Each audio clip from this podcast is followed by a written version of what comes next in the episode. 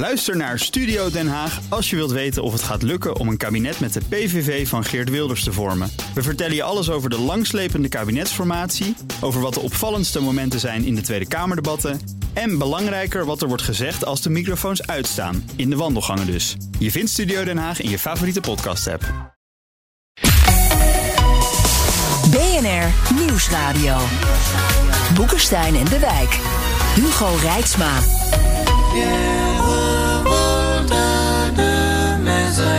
Zoals u van ons gewend bent. Wat creëert Poetin nou eigenlijk? Want dat is Rusland eigenlijk. Afgelopen weken weer veel lelijks over Rusland in dit programma. Een man als Poetin lijkt hele megalomane denkbeelden te hebben over uh, Rusland als wereldmacht. Maar tegelijkertijd is die economie niet veel groter dan die van Italië of de Benelux. Ik hoor wel eens diplomaten zeggen: ach, Rusland is op een volta met kernwapens. Burkina Faso met kernwapens. Het verknalt het steeds. Dus we moeten tegenwicht bieden. Vandaag bekijken we de andere kant. Het Russische perspectief.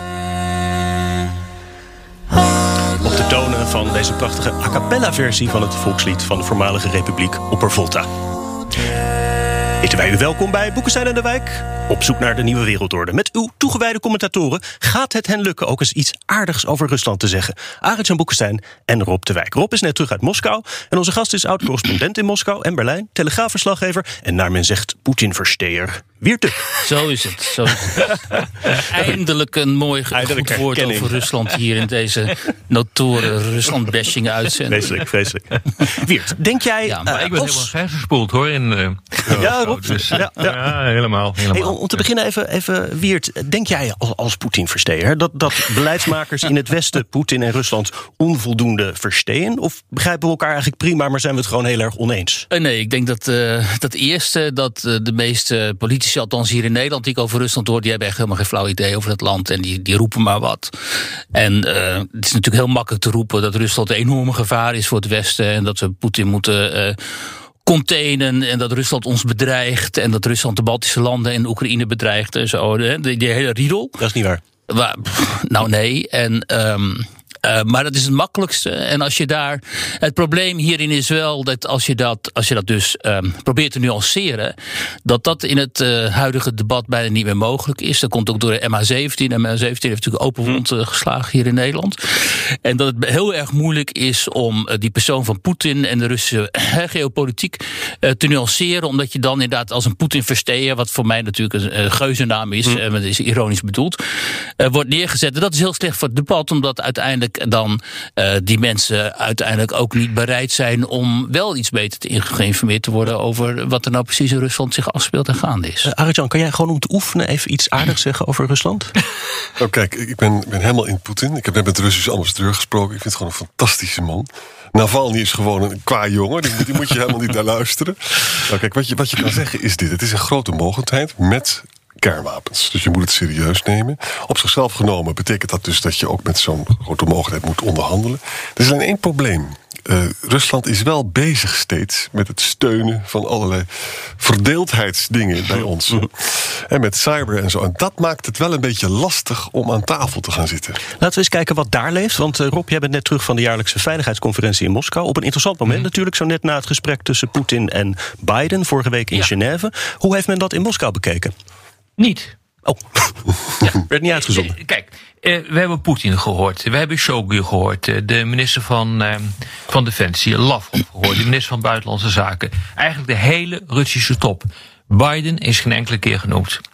Dat vond ik buitengewoon opmerkelijk. Want ik dacht, nou, ik ben heel benieuwd hoe Poetin daar nou tegenaan kijkt. Nou, niet.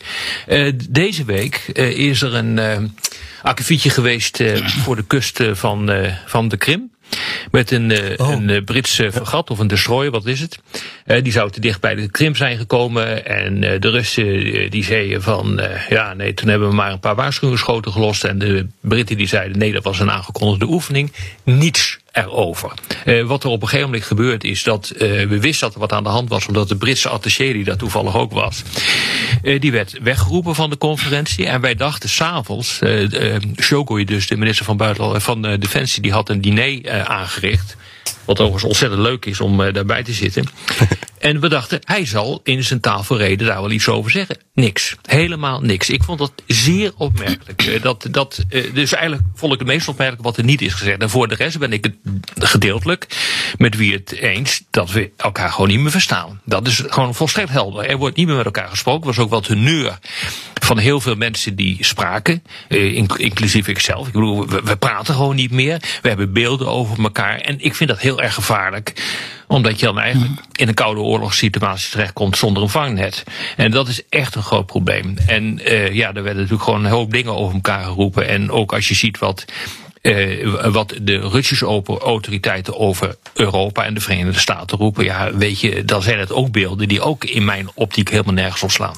Wiert, ik vermoed dus dat Moskou zichzelf niet ziet als oppervolta met kernwapens. Maar kan je schetsen wat, wat nou eigenlijk het, het zelfbeeld is wel van dat land? Dat van een gekwetste eh, voormalige super, superpower natuurlijk, die eh, nu een regionale macht is eh, geworden.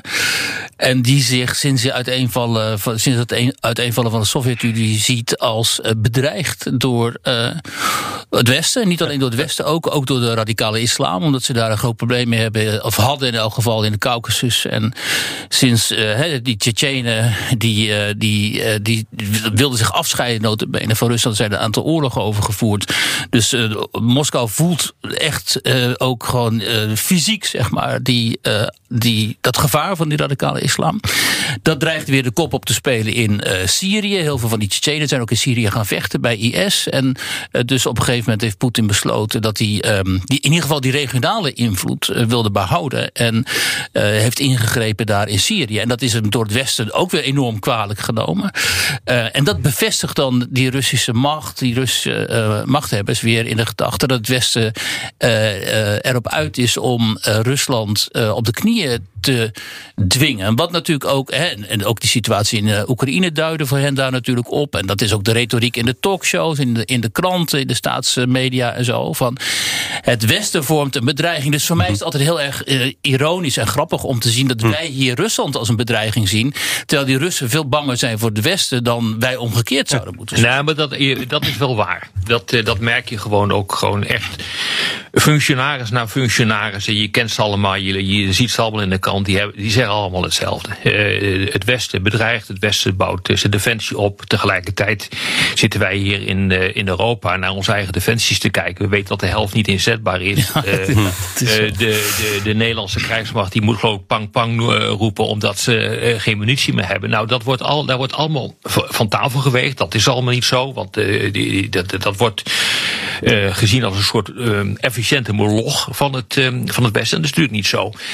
Maar het, het, wat mij echt opviel, en dat was echt nieuw, want ik denk dat dit nou de vijfde of zesde keer eh, is dat ik daar ben geweest, is eh, en dat men wel aan het schrikken is wat er op dit ogenblik aan het gebeuren is, eh, ook onder, onder leiding van Biden. En dan gaat het niet zozeer over die hele discussie die eh, Biden en Poetin heeft, eh, eh, hebben gevoerd in Genève. Daar is het niet over gegaan. Maar een aantal, Lavrov heeft, dat, eh, heeft daar eh, aandacht voor gevraagd, maar volgens mij ook Patrushev. Patrushev is eigenlijk de belangrijkste man na, na Poetin, dus het hoofd van de Nationale Veiligheidsraad. En dat soort mensen zeiden allemaal van, ja, je ziet nu nieuwe coalities worden gevormd in het Westen. En dat is zo, hè, dat hele idee van een alliantie van westerse democratieën. Dat is een oud idee van, eh, eh, van Biden, die al in 2016 heeft gelanceerd. Dat is al hard binnengekomen hoor. Eh, en ook wat er aan tafel zat, dus eh, niet alleen maar eh, de G7, maar ook dus de Europese Unie, plus eh, landen als India, Japan, Zuid-Korea. En met name India, dat, eh, dat doet zeer, omdat dat toch wel wordt gezien als een bondgenoot. Ehm, eh, ja, daarvan kon je wel zien dat men dacht van, oh mijn god, als dit doorgaat, dan zijn we gewoon weg. En dat is denk ik ook zo. Ik zat ook een stukje van Sergei Lavrov te kijken. Want de, de Ja. Russen hebben netjes eh, van alles eh, online gezet. Die zei: de NAVO wil de politieman van de wereld spelen. Het Westen vindt zichzelf beter dan de rest en wil iedereen zijn wil opleggen. dat, Nou, ja, da- da- da- da- Ik snap dat is perspectief ook wel, eigenlijk. Nee, nee, maar dat, dat kun je niet, eh, laten we zeggen, kort door de bocht genoeg zeggen. Want dit is gewoon wat.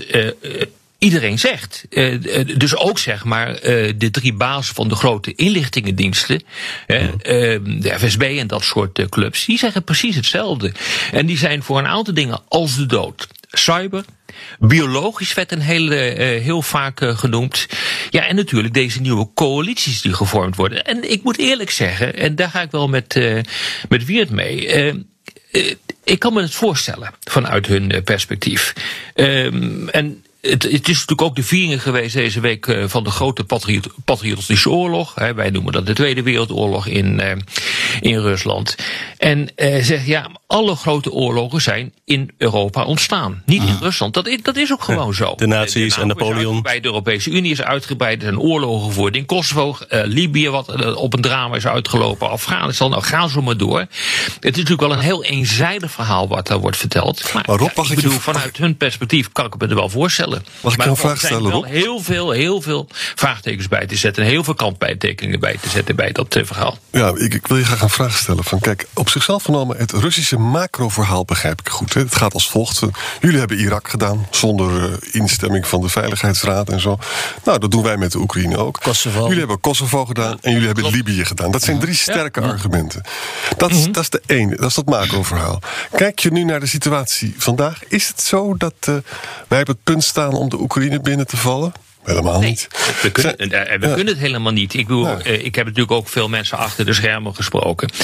Eh, en eh, ik zei, jongens, eh, wat is het nou eigenlijk voor het doel? Eh, jullie denken dat wij eh, eh, op punt staan om Rusland te gaan veroveren. Ik zeg maar, we, we kunnen nog geen tank rijende krijgen. Ik bedoel, eh, waar, waar ben je nou mee bezig? Nee, maar ik denk dat voor Ja, hun ja, ja, vooral nee, het verhaal zich afspeelt in Syrië. Hè? Dat, die, dat, die proxyoorlog met het Westen, die speelt zich volgens mij in hun ogen vooral daar in Syrië af. En daar hebben wij gewoon ook aantoonbaar foute groepen zitten daarop. steunen. Ja, maar, Nee, maar dat is ook zo. Maar Ja, het is ook zo dat Amerika zich daar heeft teruggetrokken uit het Midden-Oosten voor een groot gedeelte. En dat Rusland daar in dat vacuüm gesprongen is. En eigenlijk een hele sterke voethold daar nou heeft. Met Tartus en zo.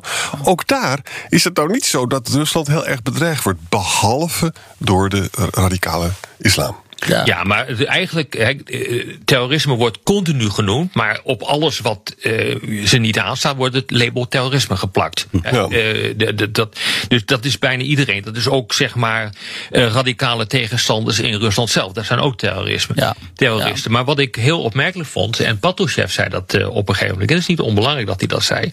Ja, het grootste probleem zijn cyberaanvallen. En het, het Westen gaat tekeer met cyberaanvallen. En heel interessant, er zijn er 120.000 eh, per jaar tegen Rusland. En die komen uit Duitsland, de Verenigde Staten en, dan moeten jullie raden wie? Nederland. Nederland. Nederland. Knap voor ons. Die gozer van RTL natuurlijk, die zo goed is met computers. Nee, weet je hoe dat komt? Weet je hoe dat komt? Nou, Nou, nou, omdat Nederland het grootste internetknooppunt Ja, is. Of een van de grootste internetknooppunten is van, eh, van het Westen. Dus Al die servers hier. cyberaanvallen, die gaan ook via Nederland. Omdat Ja, het gewoon een internetknooppunt is. BNR Nieuwsradio. Boekenstein en de Wijk. Op zoek naar de nieuwe wereldorde. Dit is Boekenstein en de Wijk. En het programma is natuurlijk niet zonder Arend-Jan Boekenstein en Rob de Wijk. Mijn naam is Hugo Reitsma en onze gast is oud-Rusland-correspondent Wiert Duk. Met hem bekijken we het eens van de Russische kant. En ik heb het idee dat we dat goed doen, want volgens mij, Wiert, kijk je af en toe een beetje verrast bij Ja. wat je hoort van Rob. Ja, valt, glimlachend valt je mee voor dit programma? ja. ja, nou ja ik, eh, hè, waar kom je dit soort objectiviteit nog tegen in de Nederlandse media? Dit is zeldzaam. Bij Boeken zijn in de wijk. Hey, en kunnen we iets zeggen over hoe we hier nou zijn gekomen? Want Poetin begon natuurlijk ooit met een tamelijk pro-westers verhaal. En dat is helemaal gekanteld. Wat is daar verkeerd gegaan? Ja, ik denk niet dat dat, dat, dat helemaal klopt. Ehm, die- kijk, zijn voorganger Boris Yeltsin die heeft wel hoop gehad op het Westen. Hè? Ehm, maar dat is helemaal mislukt. Die hele, de- eigenlijk de hele regeringsperiode van, van Yeltsin is een mislukking geweest. En Poetin is natuurlijk, kwam vanuit de KGB. Ja, maar die heeft wel in de Bondsdag nog toen ooit zo'n prachtige speech gehouden in het Duits. Met de toekomst van Rusland ligt in Europa. Ja. Hij, was, hij was vriendjes met eh, George W. Ja. Dat was toch een heel ander verhaal dan waar we Nou, nu zitten. vrienden, ja, dat klopt wel. Maar eh, vooral dat, wat, waar waar we het net over hadden, dat conflict destijds in eh, Kosovo, dat had al heel veel kwaad bloed gezet. En uiteindelijk eh, is hij, als je vanuit de KGB komt en je beschouwt, zoals Poetin heeft gezegd, eh, ineenstorting van de Sovjet-Unie als de grootste geopolitieke ramp hè, van de 20e eeuw, dus nog groter dan die grote Vaderlandse oorlog, dan ben je er natuurlijk op uit om in ieder geval die, die macht van jouw land, het land dat je vertegenwoordigt, ofwel te stabiliseren of uit te breiden. En dat is is ook vanaf begin de inzet geweest. Hè. De, de, de Poetin die claimde het recht om het nabije buitenland, zoals in voormalige Mhm. Sovjet-republieken dat werden genoemd, om, dat, om de Russen die daar wonen, dat zijn miljoenen, hè, dat zijn iets van 25 miljoen of zo, om die etnische Russen in ieder geval te beschermen, bescherming te bieden tegen, het- tegen het nationalisme ook in die republieken. Dat moeten we ook niet onderschatten. Kijk, Ja. in, de, S- in de Baltische landen en zo, en in andere landen die geleden hebben ook onder het Sovjet-regime, bestaat een hele virulente anti-Russische eh, stemming. Nu iets minder, maar destijds heel, heel heftig. En Poetin zei: Ik kom voor jullie op. En toen vervolgens dus eh, in de Oekraïne, dat hebben we allemaal eh, meegekregen natuurlijk destijds 2014, die, die opstand op de Maidan ontstond waar westerse politici zich mee, mee bemoeiden. Vooral de Amerikanen ook heel nadrukkelijk. Maar ook mensen als Hans van Balen, Weile Hans van Balen inmiddels. En, en anderen. Ja, toen hebben die Russen natuurlijk gezegd: ja, luister eens, eh, dit, is een, dit is gewoon de bevestiging van wat wij al vermoeden. Dat het Westen niet uit is om met ons een coalitie te vormen. Maar dat het Westen erop uit is om ons te verzwakken. Ja. Maar er is ook nog een En ander dat- verhaal. En, en weer dat verhaal hoor je nu weer hè, Ja. met Wit-Rusland. Eh, dat Ja, is hetzelfde Ja. verhaal. Ja. Eh, het, is, eh, het woord kleurenrevoluties. en Wij kennen dat woord helemaal niet in, eh, eh, in, het, in het Nederlands. We weten eigenlijk niet wat het is. Maar dat Aangejaagd door Soros, hè, zeggen zij. Die kleurenrevoluties. Dat zijn allemaal revoluties, zeg maar, in eh, nou, Oekraïne, Georgië, nou, ja, ga zo maar Ja. door. Eh, eigenlijk zijn dat democratiseringsbewegingen. Daar Ja. zijn ze echt als de dood voor. En eh, het wordt inderdaad, zeggen ze, aangejaagd vanuit het, eh, uit het Westen. Maar en waar natuurlijk iedereen altijd omheen vies, dat is de Krim. Ik bedoel, hoe het ook wendt of keert, de annexatie van de Krim, eh, ja, dat is natuurlijk gewoon tegen het volkenrecht. Eh, en, eh, je, je kunt allerlei eh bezweringsformules daaromheen eh, proberen eh, te. Nou ja, kijk, wat de Russen ja, natuurlijk en- en zeggen is het, hè, het afgeven van het ca- cadeau geven van de Krim aan Oekraïne destijds door uh, Khrushchev. Ja, dat, dat beschouwen zij als een slechte grap. En, ehm, Ja, ja, en, ja, zo maar staatsrecht- goed, en zo staatsrechtelijk denken zij natuurlijk niet. Hè. Zij denken, ja, de Krim was een soort van hartland daar van, van Rusland altijd geweest. En dat wij dat cadeau hebben gegeven aan de Oekraïne was gewoon een vergissing. Maar Wiert, er is ook nog een beetje een ander verhaal. De Krim is nu terug in het moederland. Het Ja. andere verhaal is, als je dus Ja. binnenlandse politiek helemaal vastzit... Hè, waarbij dus democratisering is geen optie voor Poetin... met alle oligarchen en zo... dan heb je dus buitenlandse politieke successen nodig... om in het zadel te blijven. En daar, dat leidt dus tot een behoorlijk agressieve buitenlandse politiek. Dat is de andere kant. Ja, maar daar wil ik één ding op zeggen. Want dit is dus volgens mij het probleem wat we moeten aanspreken. Dat is dat de, eh, democratisering zou juist noodzaak zijn om van Rusland een modern en beschaafd land te maken. Alleen ze hebben die, dat trauma van de jaren negentig, dat zij zien als een democratiseringsexperiment onder Yeltsin. Dat leidde alleen maar tot eh, binnenlandse oorlogen, afscheidingsbewegingen en totale chaos. Hè. En Poetin heeft toen zeg maar die orde moeten herstellen. Dus die, die democratisering is voor hun helemaal geen optie meer. Waardoor ze nu eigenlijk, wat jij zegt, in een soort dead end street, in een deadlock terecht zijn gekomen.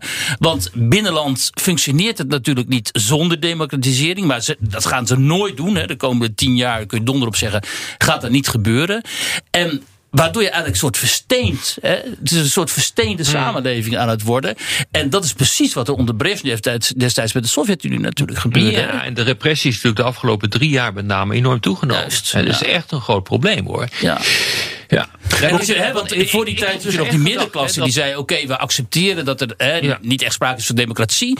Maar we we worden net zoals in China. We worden welvarender, we kunnen reizen, we kunnen naar het buitenland. Dus we bemoeien ons niet met politiek en we prima leven. Maar ook die middenklasse natuurlijk, door de sancties en door de crisis. Heeft pijn. En, en precies, die heeft pijn. En die zegt nu, ja, wat nu? En nu gaan ze verdwijnen. Ze, hè. ze, ze emigreren, ze gaan naar Silicon Valley, want het zijn natuurlijk hoogopgeleide mensen vaak. En dan gaat zo'n samenleving, eh, de gemeenschap in die samenleving en de sociale cultuur in die samenleving, is gewoon ten dode opgeschreven. dan. Rob, wat heb jij eh, de, de Russen daarvoor gehouden over hoe dit nu verder moet? Nou, kijk, er wordt niet meer gesproken met elkaar. En ik denk, laat ik, laat ik het er maar eens ingooien. Dat het misschien wel handig is om met elkaar weer te gaan praten. Eh, kijk. Tijdens de Koude Oorlog hadden we allemaal mechanismes van de OVC, de Organisatie voor Veiligheid en Samenwerking in Europa. He, er waren allemaal regelingen voor ja, eh, militaire activiteiten die in één klap eh, gebeurden. Die moest je melden. Eh, er waren activiteiten over het overvliegen, eh, die het overvliegen regelden. Dat is door, door Trump, het Open Skies verdrag, is eruit gegooid. Het INF-akkoord, waar in de jaren tachtig honderdduizend mensen voor de schade op gingen. Over om ja. afstandswapens eh, eh, te voorkomen dat die geplaatst worden. Dat bestaat niet meer.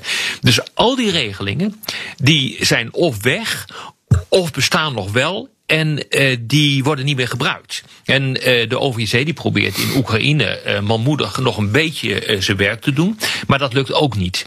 Dus um, ik vind dat we echt moeten nadenken over een ja, hoe zou je het noemen? Een, een, een veiligheidsarrangement. Dat klinkt wat technisch voor Europa. Waarin een hele hoop dingen geregeld worden. Waar je praat over destabiliserende wapensystemen. En dat is absoluut op dit ogenblik aan de orde. Lange afstandswapensystemen. Dat is hartstikke destabiliserend. Van Russische zijde, maar ook van onze zijde. Je moet praten over doctrines. Oftewel, hoe treed je op? Je moet praten over cyber, informatieoperaties. Oftewel, nepnieuws, dat soort zaken. Probeer het nou eens een keer bij elkaar te krijgen. En probeer eens zonder voorwaarden vooraf, want dat is het groot, de grote grief ook van Rusland. Zonder voorwaarden vooraf. Dus je, eh, we willen pas praten als jij je gedrag gaat veranderen. Ja, daarvan zeggen de Russen, dat gaan we dus niet doen. Daar ben ik het absoluut mee eens met de Russen. Dat moet je niet doen. Ga nou zonder eh, voorwaarden vooraf praten over dit soort zaken en kijken waar het eindigt. Rob, je zei ook nog iets dat spannend klonk over uh, praten over invloedssferen. Wat, wat bedoelde je daarmee? Ja. Nou ja, kijk, het interessante was dat uh, de, uh, een onderminister die vroeg mij heel erg expliciet, daar heb ik echt lang mee zitten praten. Uh, kun jij iets zeggen over invloedssferen? Ik zei ja, maar het antwoord zal jou niet aanstaan. Maar ik zeg, ik zal er wat over zeggen. Uh, en uh, kijk, wat de Russen eigenlijk willen is gewoon invloedssferen. Je bakent de invloedssferen af in Europa. He, van dit is van ons en dat is van jullie. We bemoeien ons niet met elkaars invloedssferen. En inderdaad, als je het theoretisch bekijkt, dan zou dat leiden tot meer stabiliteit. Mm -hmm. Toen heb ik gezegd van, ja, dat kan allemaal wel zo wezen. Maar voor Europese leiders, althans de mainstream politici, die gaan er niet in mee. Want die vinden namelijk dat landen het recht hebben om zich te kunnen aansluiten bij de club die ze ja. willen. Dat kunnen wij niet. Uh, politiek gezien kunnen westerse politici niet zeggen, we, we gaan uh, voor een, een Jalta 2.0. Want dat is eigenlijk wat men wil. Als jullie dat willen, kun je het wel moet je er gewoon over toch? Ja, en het, ik heb ook gezegd van, weet je, uh, op dit ogenblik is het ondenkbaar dat landen als Oekraïne of Georgië bij de Tuurlijk. EU of bij de NAVO komen. Dus in wezen doen we het al. De facto hebben we invloedssfeer. De facto. Ja, maar we kunnen de, de deur nooit dichtgooien in, in Europa. Nee, maar we gaan natuurlijk nooit. Hè, kijk wat er gebeurd is in die oorlog net tussen Armenië en Azerbeidzjan. we gaan natuurlijk nooit uh, landen als Oekraïne en, en Georgië ook uh, echt daadwerkelijk helpen. Dat is die enorme fout die die Saakashvili destijds heeft gemaakt toen hij dacht dat uh, de Verenigde Staten Georgië te hulp zouden schieten. Nou, binnen de kortste ja. keren stonden die Russische troepen zo ongeveer in Tbilisi. En Bush die hield zich lekker afzijdig. Dus dat, dat gaat. Klopt. Die invloedssferen zijn er in de praktijk al. En ik denk dat. Hè, en we hebben juist gezien in Oekraïne dat wanneer die niet gerespecteerd worden, althans in de ogen van de Russen niet, tot wat voor ellende dat leidde. Omdat, ja, eh, omdat Europese bureaucraten dachten: weet je wat, we bieden Oekraïne dat uh, associatieverdrag aan. En toen dacht het Kremlin: ja, maar ho, weet je wel, dit, dit is ons land, dit is gewoon onze invloedssfeer. Wat doen jullie daar? En toen hadden we de pop aan het dansen. Dus dat moeten we... Maar ze willen wel praten, die Russen. Daar ben ik wel van overtuigd. Ik heb het ook gewoon achter de schermen gevraagd, dus uh, één op één een aantal uh, van die besluitvormers. Ja. Ze willen wel praten. En een belangrijke reden waarom ze willen praten is dat ze zien dat dit gewoon niet goed gaat. Op een gegeven ogenblik uh, riep, ik dacht dat het Lavrov was, maar daar wil ik even afgeven. We moeten samenwerken met gelijkgestemde landen. En wie zijn dat dan wel? Nou, dat is bijvoorbeeld Vietnam, Brunei, Mongolië. Ja, dat schiet ja, op. jongens, daar ga je de oorlog niet meer winnen. Ja. Eh, op, een, op een moment dat wij Westelingen zeggen van wij gaan samenwerken met de Verenigde Staten en een aantal landen in Indo-Pacific, by the way ook India en de Indiaanse premier was daar volgens mij. Nee, minister van, van Defensie. Als die dus het westerse kamp in wordt uh, getrokken. En met China loopt het niet lekker. Althans, de Russen willen graag dichter naar China toe kruipen, maar de Chinezen zelf willen dat niet. Dan wordt het toch heel erg lastig. Dus dan betekent dat dat er een hele duidelijke aanleiding is om te gaan praten met Europa en met de Verenigde Staten. En dat gaat denk ik ook wel gebeuren. En wij moeten in Nederland echt gaan nadenken over de situatie na MH17. Ja, het proces is afgelopen, absoluut. moeten we absoluut gaan nadenken hoe we hier uh, met die Russen uit gaan Nou, dan moeten we gaan afsluiten, die situatie Dat met afsluiten. MH17. Ja, ja. ja, dit kan niet eeuwig zo door blijven duren. Op de radio ronden we af, maar in de podcast gaan we door met luisteraarsvragen. Luistert u op de radio, dan verwijs ik naar Apple Podcasts, Spotify of boekensteinendewijk.nl.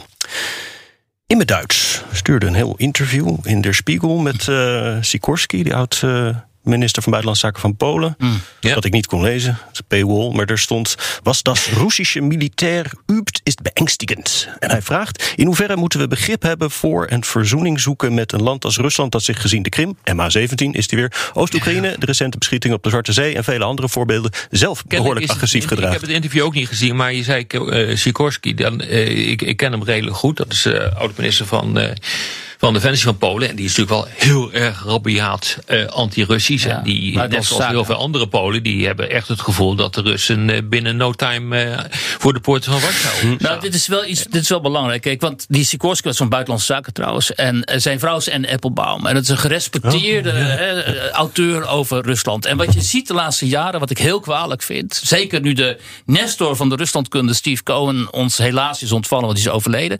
Dat is dat je ziet dat die eh, Ruslandkundigen, die internationaal gerespecteerd zijn. en die worden aangehaald ook door politici. en ook echt invloed hebben in denktanks en zo.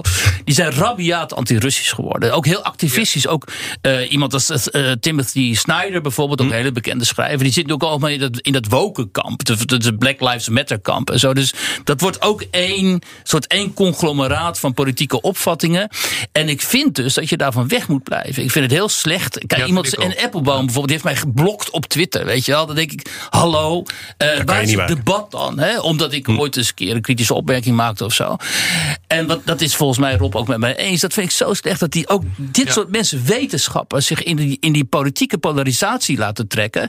En dat zie je echt in extremis gebeuren. En dan denken die Russen natuurlijk ook van... als dit dus de experts zijn over Rusland... en die, laten zich, die tekenen petities en zo hè, tegen Rusland... ja, dat vind ik zo kwalijk. Maar weer, het is ook een andere kant. Hè. Een invloedssferenregeling maken met Rusland is lastig als Rusland voortdurend overal loopt de zaak te verstieren. Dat is wel een probleem.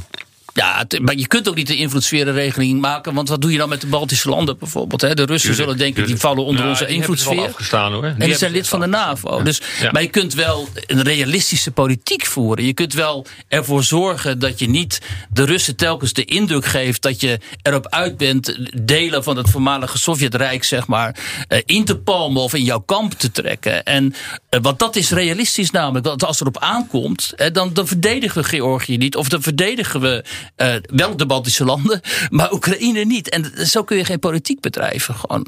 Ja, behalve dat de Russen het heel fijn vinden dat wij militair niks doen met Wit-Rusland en de Oekraïne. Dus wat ja, dat maar betreft. Wit-Rusland, joh, dat is hun. We Dat is ook niks doen joh. hun zandbak, weet je. Daar hebben we ook niks te zoeken. Weet ik wel.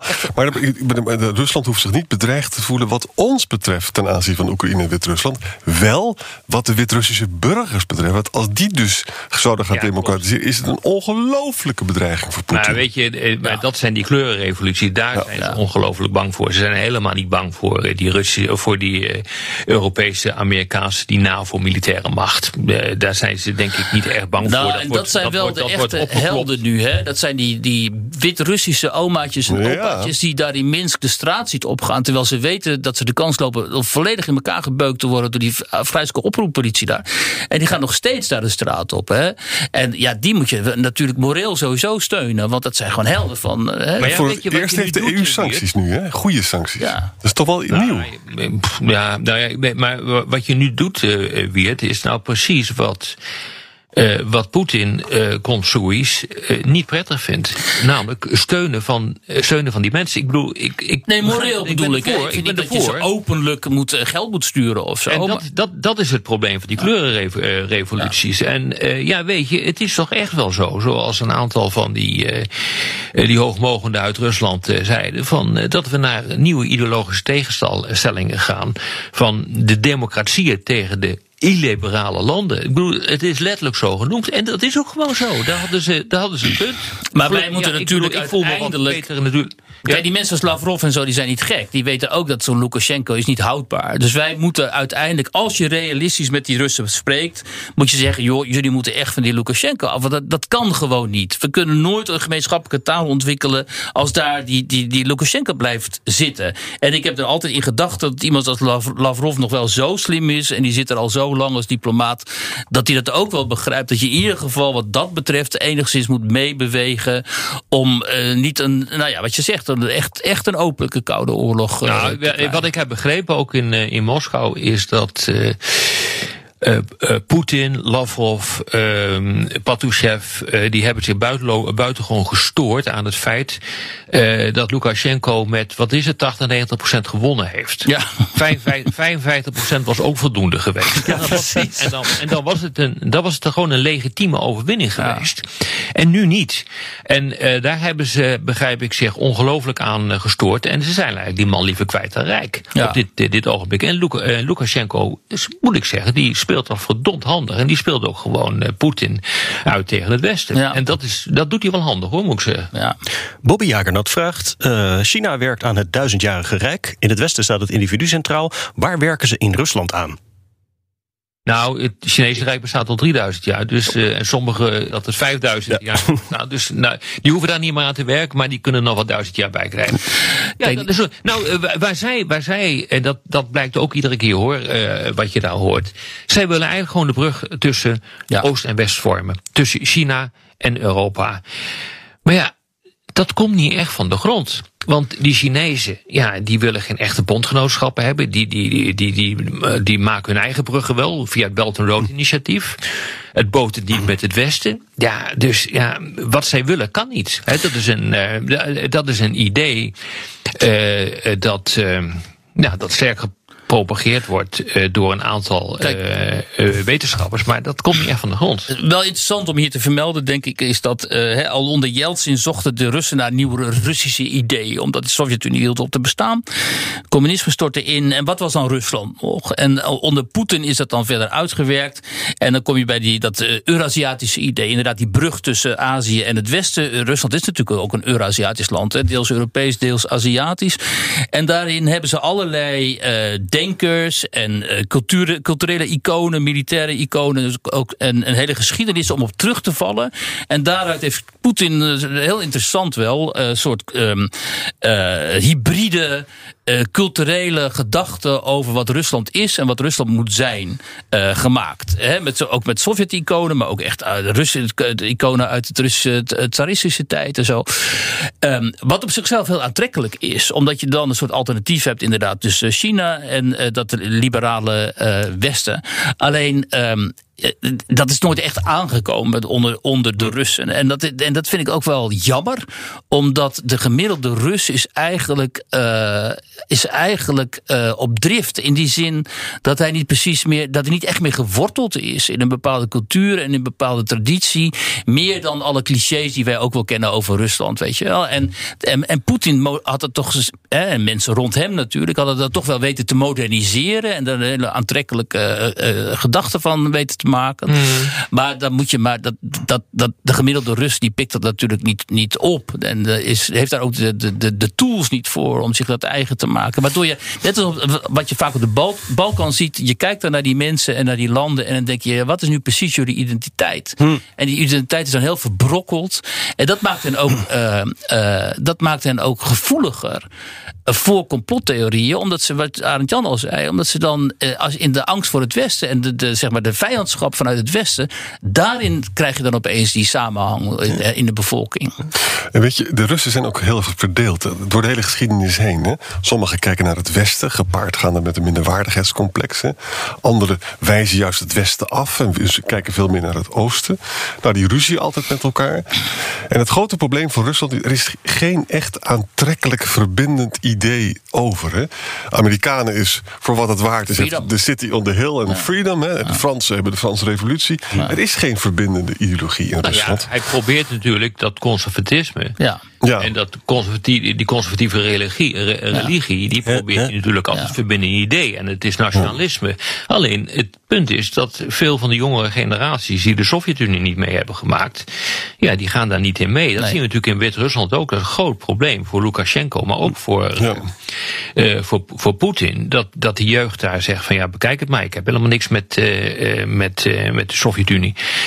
en bovendien, ik heb ook geen zin om Russisch te leren, by the way. Nou, ja. dus dat is echt een groot probleem dit hoor. Roberto Leonardo vraagt: Er wordt gezegd dat Poetin al jaren ernstig ziek zou zijn. Is er al Ja. een kroonprins en is dat weer een sterke man of wordt het dan weer chaos? Dat is heel grappig, want mijn Russische kennissen... die zitten de eh, hele dag op die Russische fora en zo. Die zijn van overtuigd, dat, eh, al, ja, al meer dan een jaar of zo... dat Poetin elke dag kan komen te overlijden... want hij heeft zware kanker. Hè, en en ik, ik, ik denk dan, nou ja, ik zie hoogstens een wat bol gezicht... duidt misschien een beetje op prednisongebruik en zo. Maar voor de rest oog- oogt hij best wel fit. Maar ze zijn er echt van overtuigd dat hij zwaar ziek is. En dat het dus voorbij is. En dat hij waarschijnlijk een eigen dynastie gaat stichten met zijn dochters. Dus Oh, dat ja. hij dan even zijn dochters naar voren gaat schuiven en zo. Ehm, maar want die tweede vraag, dat weten wij dus helemaal niet. Er is helemaal niet een echte opvolger eh, voor Poetin. Omdat hij eh, de kroonprins die hij had, dat was die Medvedev. Die heeft hem min of meer aan de kant geschoven. En misschien dat die Shoigu of zo, die minister van Defensie, dan nu in aanmerking zou komen. Ehm, maar een, echt een duidelijke opvolger is helemaal niet in zicht. Sterker nog, hij wil blijven zitten tot zijn 84ste. Ja, dat gaat misschien wel gebeuren ook. 2036, dus dit, dit, is nog helemaal niet aan de orde. Nee, precies, in zijn ogen niet. Tot slot vraagt Chris Heiligers zich enigszins bezorgd af of Rob, als hij eh, gevaccineerd is, niet bang is dat de Russen de chip in zijn arm hebben gehackt. God, daar heb ik nog hierbij stilgestaan, maar dat zou best kunnen hoor. Nou, nu die het zegt. Gelukkig is er een chiptekort. Gelukkig is er een chiptekort.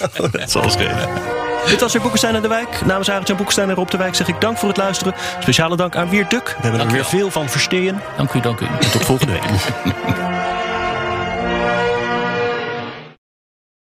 Ook Liesbeth Staats vind je in de BNR-app. Ja, heel handig. Luister live naar Kees en mij tijdens de Daily Move. Dan blijf je ook gelijk op de hoogte van breaking news en het laatste zakelijke nieuws. En daar vind je ook alle BNR-podcasts, waaronder de Perestrooikast. Download nu de gratis BNR-app en blijf scherp.